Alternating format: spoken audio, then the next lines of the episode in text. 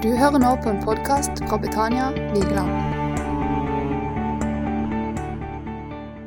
det at du skylder en person sinnssykt mye penger.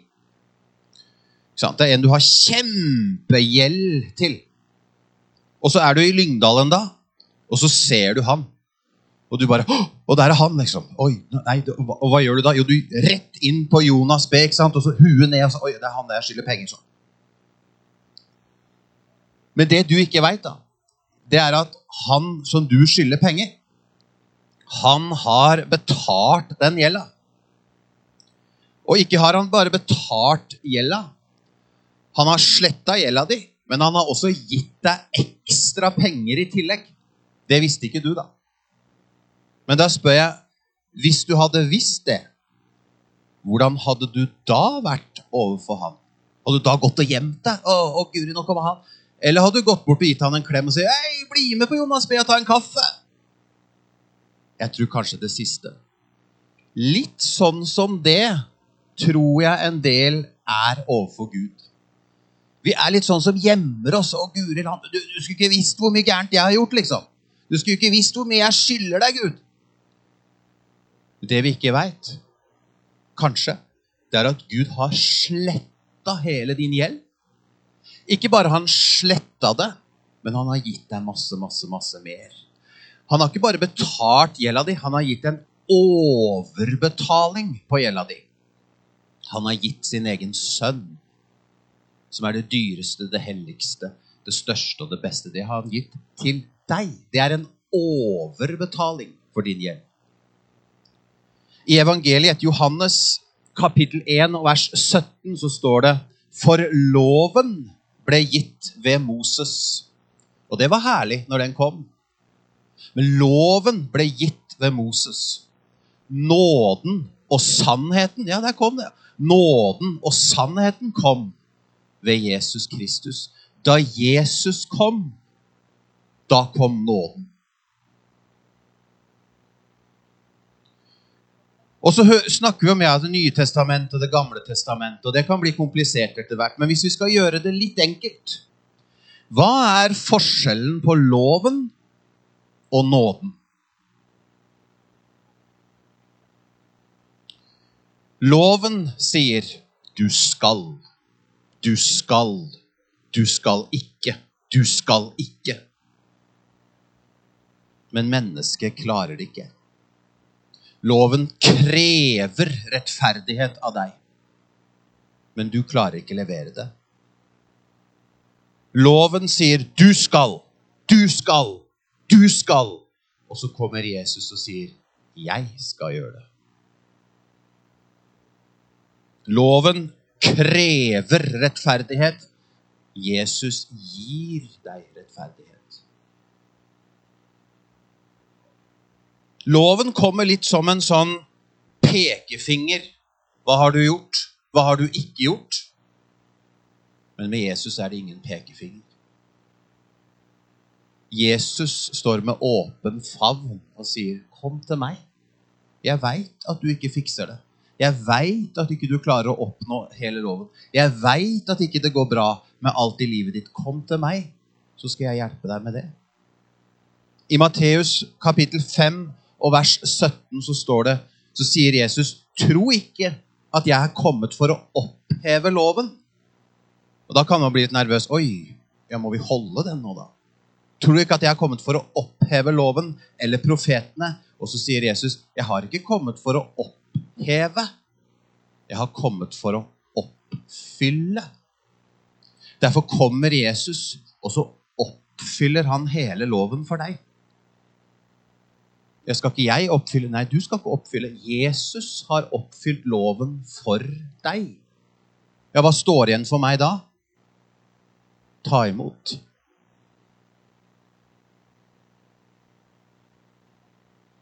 Og derfor takker jeg Jesus for at evangeliet i hovedsak ikke handler om meg. Det handler ikke om meg. Det handler ikke om hvor mye jeg får til eller ikke får til. Hvor mye jeg klarer å leve opp til Guds standard. Men det handler om Jesus. Og om han har levd opp til Guds standard. Hvor bra har Jesus gjort det overfor Faderen? Han har oppfylt hele loven. Og så gjenstår det for oss å falle tilbake i det og si takk, Jesus, for at du har oppfylt loven. Og Hvis du ikke er så vant med å gå på sånne møter, så kan du noen ganger se noen som står i lovsangen og så gjøre sånn her. Det står med åpne hender sånn. Så kan man jo lure på hvorfor skal man stå med sånne åpne hender? Jo, en sånn gest som det, det er egentlig hovedtema i hele evangeliet. Jeg tar imot. Jeg tar imot det Jesus har gjort. Jeg tar imot rettferdiggjørelsen. Jeg tar imot nåden. Jeg tar imot det Gud vil gi til meg. Jeg tar imot det å bli istandsatt til det kristne livet. Og så det, det blir jo veldig enkelt for noen. Ja, skal jeg ta imot det? Skal jeg ikke gjøre noe, liksom? Er det ikke en prøve? Er det ikke en eksamen her? Nei, vi skal ta imot. Det er evangeliet. Er det for godt å være sant? Nei, det er sant. Det kristne livet handler om at du innser rett og slett at du klarer ikke å leve opp til Guds standard. Ingen som klarer det. Det er bare Jesus som klarer det. Derfor er din rolle å si takk, Jesus. Takk at du har fylt opp alt. Takk at jeg får høyeste karakter fordi det du har gjort, Jesus. Det er sånn det kristne livet starter. Det er fundamentet. Og så er det jo ikke sånn at du ikke skal gjøre noe. Men hvis vi kan falle tilbake på den klippen som heter Jesus, da kan vi gå ut og leve det kristne livet. I Paulus brev til galaterne, kapittel 3, får du opp den nå. Der, der sier Paulus han er litt sånn streng. Ja, her står det. Den er kvass. Uforstandige galatere, står det. Hvem har forhekset dere? Dere som har fått Jesus Kristus malt for øynene som den korsfestede. Ikke sant? Det er sånn det kristne livet starter. Du, du ser Jesus på et eller annet. Du ser Jesus og hva han har gjort. Svar meg på én ting. Fikk dere ånden ved lovgjerninger? Eller ved å høre og tro? Det er ikke sånn at du får Jesus ved å gjøre en hel haug av ting. Ja, ja, og sånn og sånn og sånn. og sånn. Det er sikkert de som har opplevd den vekkelsen her, og de som har tatt imot. Det var jo ikke fordi de besto en eksamen, men det var fordi de så Jesus. Og så refser jo Paulus galaterne for at de fortsetter. De har starta med å ta imot, og så fortsetter de med sånne lovgjerninger. Og det er nemlig, det er nemlig litt sånn lett å gjøre i kristenlivet. Vi starter med nåden, og så fortsetter vi litt i loven. Og så blir det en slags sånn blanding av nåde og lov. Sånt, og så blir plutselig det som starta så herlig, det blir et sånt krav. Nå må du få til det, og du må ikke gjøre sånn, og, må, og bang, bang. Og så har du den derre strenge stemmen i hodet. Istedenfor å si takk, Jesus, for at det starter med deg, og at det fortsetter med deg, og at det slutter med deg, Jesus. Og så vet jeg at det er formaninger, jeg vet det er oppfordringer, jeg vet at vi skal ut, og vi skal gjøre alt det, men vi må starte med fundamentet. Vi må starte med at det handler ikke om oss, men det handler om Jesus. Og i Paulus brev til Galaterne kapittel 2 så sier Paulus noe voldsomt radikalt som jeg ikke har klart å si ennå. Men det snakker om, her er det ikke bare snakk om frelse. Men her er det snakk om det livet han lever. Han sier, 'Jeg lever ikke lenger selv'. Oi, oi, oi. Klarer du å si det? Jeg lever ikke lenger selv. Men Kristus lever i meg. Det livet jeg nå lever som menneske av kjøtt og blod, det lever ikke jeg i lovgjerninger, sier han. Det lever jeg i troen på Guds sønn. Dette er det kristne livet. Det sier Paulus. Jeg lever ikke det. Det er Jesus som lever det. I troen på Guds sønn. Det er det kristne livet. Som elsket meg og ga seg selv for meg. Jeg forkaster ikke Guds nåde. Og så sier han noe. For hvis vi kan oppnå rettferdighet ved loven, da døde jo Kristus til ingen nytte. Så hvis du ønsker å gi Jesus ære, så må vi ikke gi oss sjøl ære. For det gjør vi sånn. Se så flink kristen jeg er. liksom. Ja, ja, jeg holder alle budene. Jeg klarer å liksom leve dette kristne livet. Se, her kommer jeg. vet du. Og så, og så blander vi inn. Og så er det oss sjøl vi egentlig går og skryter av. vet. Vi har ingenting å skryte av, sier Guds ord. Det er bare Jesus vi har å skryte av. Jeg lever ikke lenger selv. Det er Jesus som istandsetter meg til det kristne livet. Vi må ikke blande nåden og loven. Vi må ikke starte som galaterne og så fortsette i sånt kjør. Vi må leve et liv der vi sier takk, Jesus, for at du er den som gjør meg i stand til å leve dette kristne livet. Takk, Jesus, for din tilgivelse. Takk, Jesus, for din veiledning. Takk for din forsørgelse. Takk for din nåde. Takk for at du hjelper meg i mitt liv. Start hver dag og si takk, Jesus.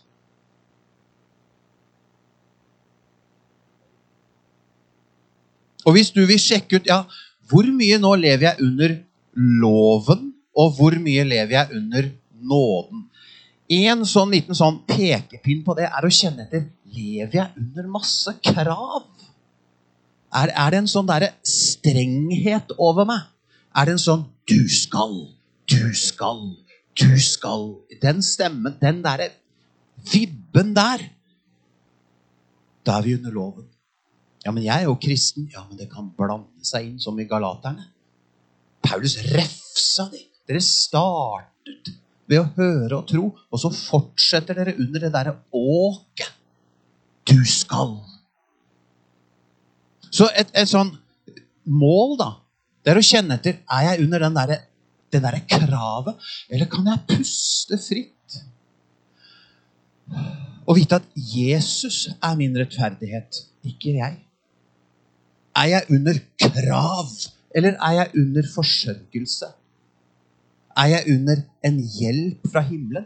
Er jeg under velsignelse, eller er jeg under 'du skal, du skal'? Så kan vi spørre ja, hva med synd? Og Det er jo ingen steder i Bibelen at det heies på at vi skal gjøre synd.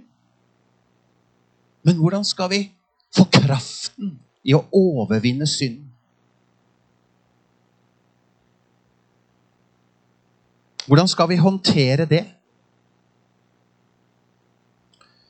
I Gamle Testamentet da, så var det sånn at et lam ble tatt.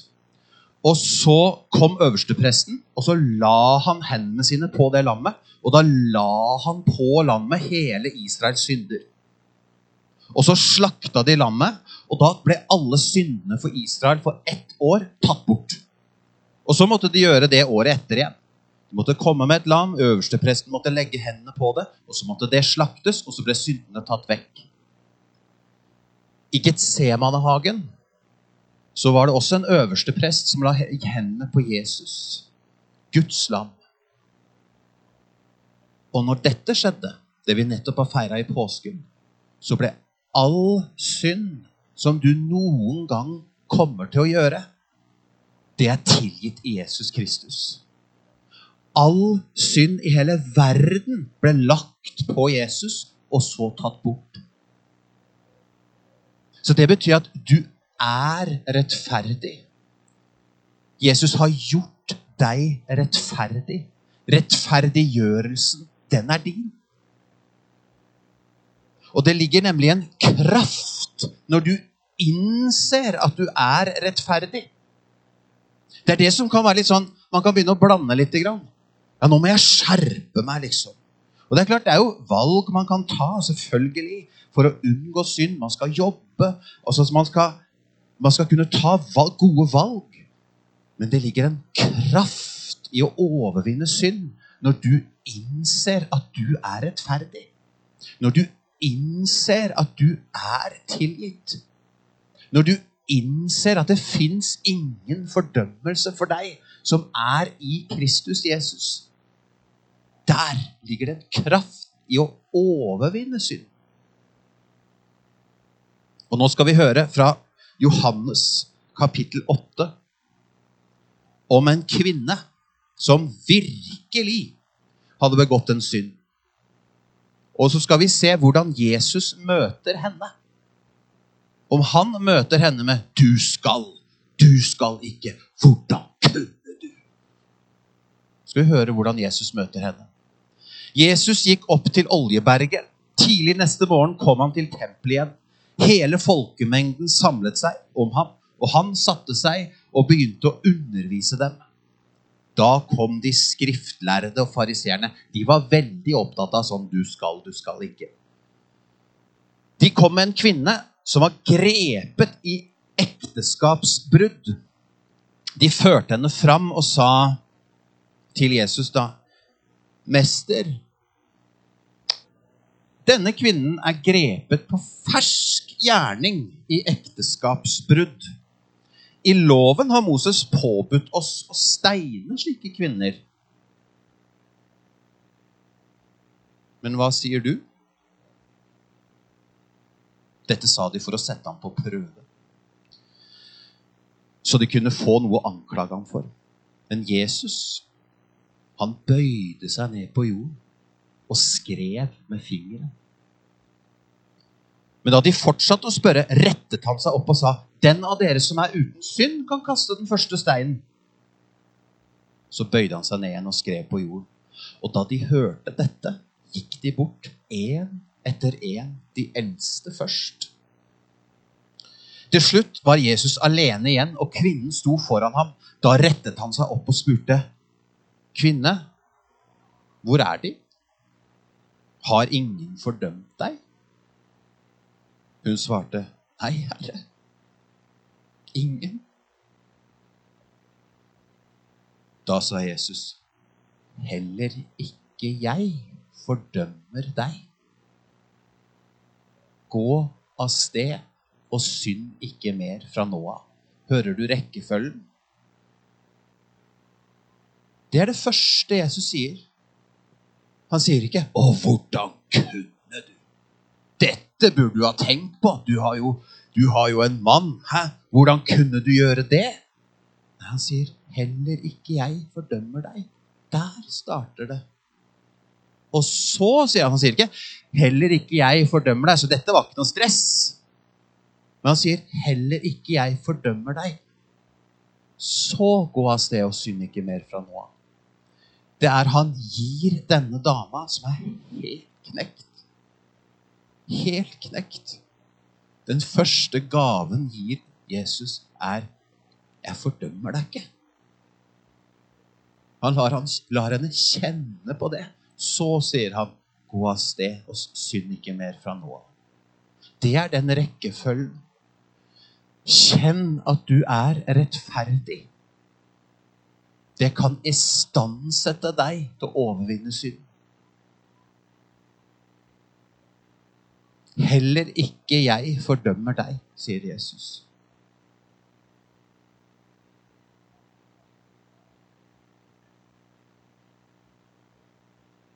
Paulus brev til romerne kapittel 8 og vers 1 sier så er det da ingen fordømmelse for dem som er i Kristus Jesus. Dette er det ikke Morten som sier. Dette er det Guds ord som sier. Det er ingen fordømmelse for deg. Ja, Blir ikke det for enkelt? Er det, det er for godt til å være sant? Du aner ikke hva jeg har drevet med. Det er Guds ord som sier det. Det er ikke fordømmelse for deg. Hvorfor det? Fordi du er i Kristus. Hvordan kan det skje? Nei, Kristus har oppfylt loven for deg. Så da gjenstår det bare å si, da. Takk, Jesus. Er det for godt til å være sant? Så er det da ingen fordømmelse for dem som er i Kristus Jesus. Er det noen her som er i Kristus Jesus? Da er det ingen fordømmelse for deg. Det kan du få lov å hvile litt i. Og den fornemmelsen gjør jo ikke at du får da, Oi, når jeg innså det, da fikk jeg kjempelyst til å synde. Gjør jo ikke det. Når jeg innser det, så blir jeg så glad i Jesus. Øker min kjærlighet til ham. Da får jeg mindre lyst til å synde. Dette er jo ikke sånn lisens så er det da ingen fordømmelse, så bare kjør på. Det er jo ikke det vi snakker om. Nei, da hviler jeg i hans fullkomne verk. Sier jeg takk, Jesus. Når jeg ikke klarer det, så har du tatt det. Da får jeg mindre lyst til å synde. Takk, Jesus.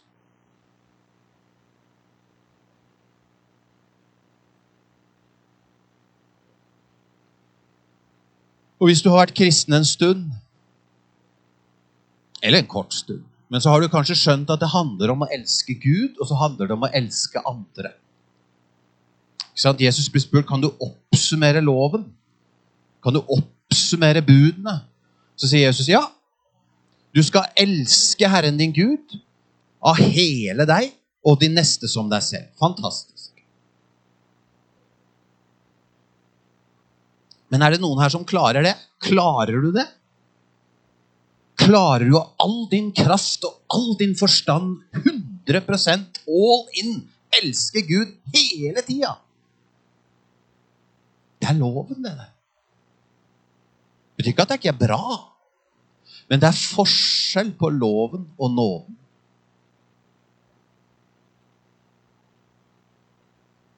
I loven så hører vi 'du skal'. Jesus sier 'jeg skal'. I loven sier 'du skal elske Gud'. I nåden så står det 'vi elsker' i 1. Johannes brev. Vi elsker fordi han har elsket oss først. Det er bare en liten rekkefølgeendring her.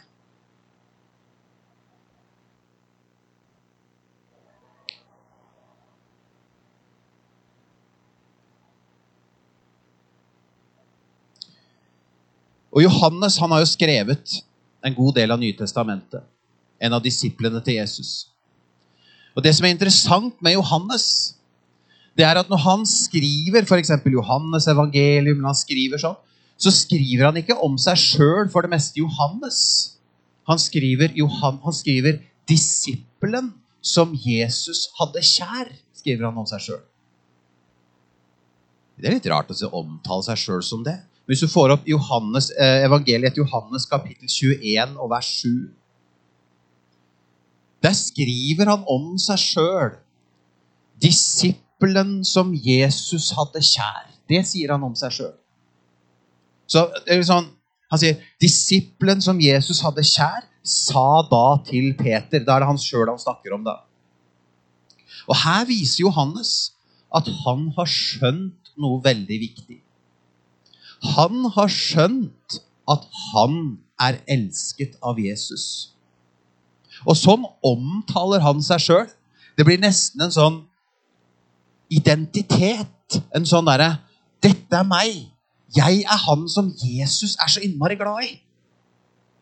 Og så er det litt forskjell på Johannes og Peter, i hvert fall Peter før korsfestelsen. Etter oppstandelsen og alt sånn. og og så var jo Peter en helt annen. Men før korsfestelsen så sier jo Peter Du, Jesus, om alle andre liksom svikter Jeg skal ikke svikte deg, selv om alle andre gjør det. Hvem er det han stoler på her? Han stoler på seg sjøl. Han stoler på sin egen evne til å elske Jesus. Og det er klart, det er jo flott å ha en intensjon om å elske Jesus. Men Peter han stolte på sin egen evne. Johannes hadde en litt annen rekkefølge. Han sier, 'Jeg er han som Jesus elsker'. Og hvordan gikk det med Peter, da? Greide han å ikke svikte? Han klarte ikke å ikke svikte. Han svikta tre ganger. Knekt. Fullstendig knekt. Men Johannes kaller seg 'Jeg er disippelen som Jesus hadde kjær'. Og heldigvis handler ikke evangeliet først og fremst om min kraft og anstrengelse for å klare å elske Gud. Men det handler kanskje mer om å la seg elske av Gud. Klarer vi det? Det er litt sårbart. Det er litt sånn Nei, er det, det er altfor enkelt. Ja, men da har jeg ikke noe å rose meg over, da. Nei, nettopp. Hvis det bare handler om å si 'Jesus, Jeg trenger å kjenne at du elsker meg. Selv når det går galt, så vet jeg, Jesus, du elsker meg. Kan vi bli mer som Johannes, som sier 'Jeg er han som Jesus elsker'? Jeg er ikke han som skal klare det alltid. Jeg er ikke han som skal alltid liksom så kjempe så hardt for Jeg er han som Jesus elsker. Og jeg vet det er ingen fordømmelse for meg. For hvis det å elske Gud blir en prestasjon igjen vet du, Det er rart hvordan lett ting kan bare snu bitte litt på. Disiplene sa 'Hvem er den største i himmelriket?' Sånn, der er vi hele gjengen. Bare rekk opp hånda, trenger ikke gjøre det. Men vi er ofte i sånn situasjon Ja, hvem er best? Håper det er meg. Snur Jesus fullt helt om på det. Barn er den største, og det blir bare rot. Hvem er den største? Hvem er den beste til å elske Gud? Det er litt sånn Peter. Hvis det blir en prestasjon, da bommer vi på mål. Evangeliet handler ikke først og fremst om hvor mye du klarer å elske Gud, men kanskje hvor mye du innser hvor elsket du er av Gud.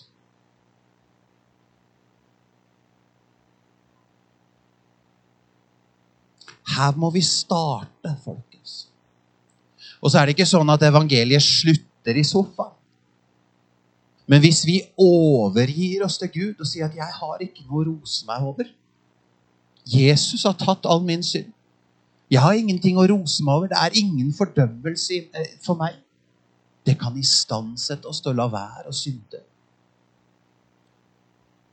Og når jeg innser hvor høyt Gud elsker meg, da blir du ikke passiv. altså. Jo mer overgitt du er til Gud, jo mer lyst får du for å tjene ham. Jeg klarer ikke la være å ha en tjeneste for Gud. Jeg har ikke sjans. For jeg kjenner den brannen inni meg. Men den er det ikke jeg som har skapt. Det er Den hellige ånd. Det er ikke jeg som presterer. Det er ikke jeg som oppfyller. Det er ikke jeg som klarer det. Det er Jesus som klarer det. Og jo mer vi hviler i nåden, i kjærligheten, i Hans fullbrakte verk og er overgitt til ham, jo mer brennende blir du. Da blir du ikke sittende, altså. Da er det full fart. Men det må starte i nåden. Vi må starte med å sitte. Og så kan vi gå. Og så kan vi stå mot den onde, som Watchman 9 skriver i sitt walkstand. Det starter med å ta imot. Og det får vi lov å kjenne litt på. Så vandrer vi ut i kristne livet, og så kan vi stå mot det onde. Takk, Jesus, at det ikke handler om meg, men det handler om det du har gjort, Jesus, for oss. Hvis du trenger forbønn, eller hvis du trenger å ta imot Jesus, så kom enten fram eller gå inn på bønnerommet etterpå. Så er vi flere som kan snakke med deg og be for deg. Kan be for hva som helst. Kom fram. Hvis du har en hilsen, kom fram. Men dette var det jeg hadde lyst til å dele med deg i dag. Vi kan takke Jesus, så skal vi be sammen. Jesus, jeg takker deg for denne dagen. Jeg takker deg for din nåde som er ny hver eneste morgen. Jeg takker deg for at dette er en ny dag. Og vi har en uke bak oss, og vi har en uke foran oss. Vi har et liv bak oss, og vi har en fremtid foran oss. Jeg takker deg, Jesus, for at det er ingen fordømmelse for oss. Verken for det vi har gjort, kommer til å gjøre eller gjør nå. Jeg takker deg, Jesus, for at vi står fullstendig i det verket som du har gjort for oss. Og så takker jeg for det du har sagt, at du har fremtid og håp for hver enkelt en her inne. Jeg takker deg at det er aldri for seint å starte på ny med deg, Jesus. Jeg takker deg at du er en mester til å gi folk nye begynnelser. Jeg takker deg at fortida, den er over og fremtida den er foran. Og den er full av fremtid og håp, Jesus. Takk, Jesus, for at vi kan peke på deg. I ditt gode navn. Amen.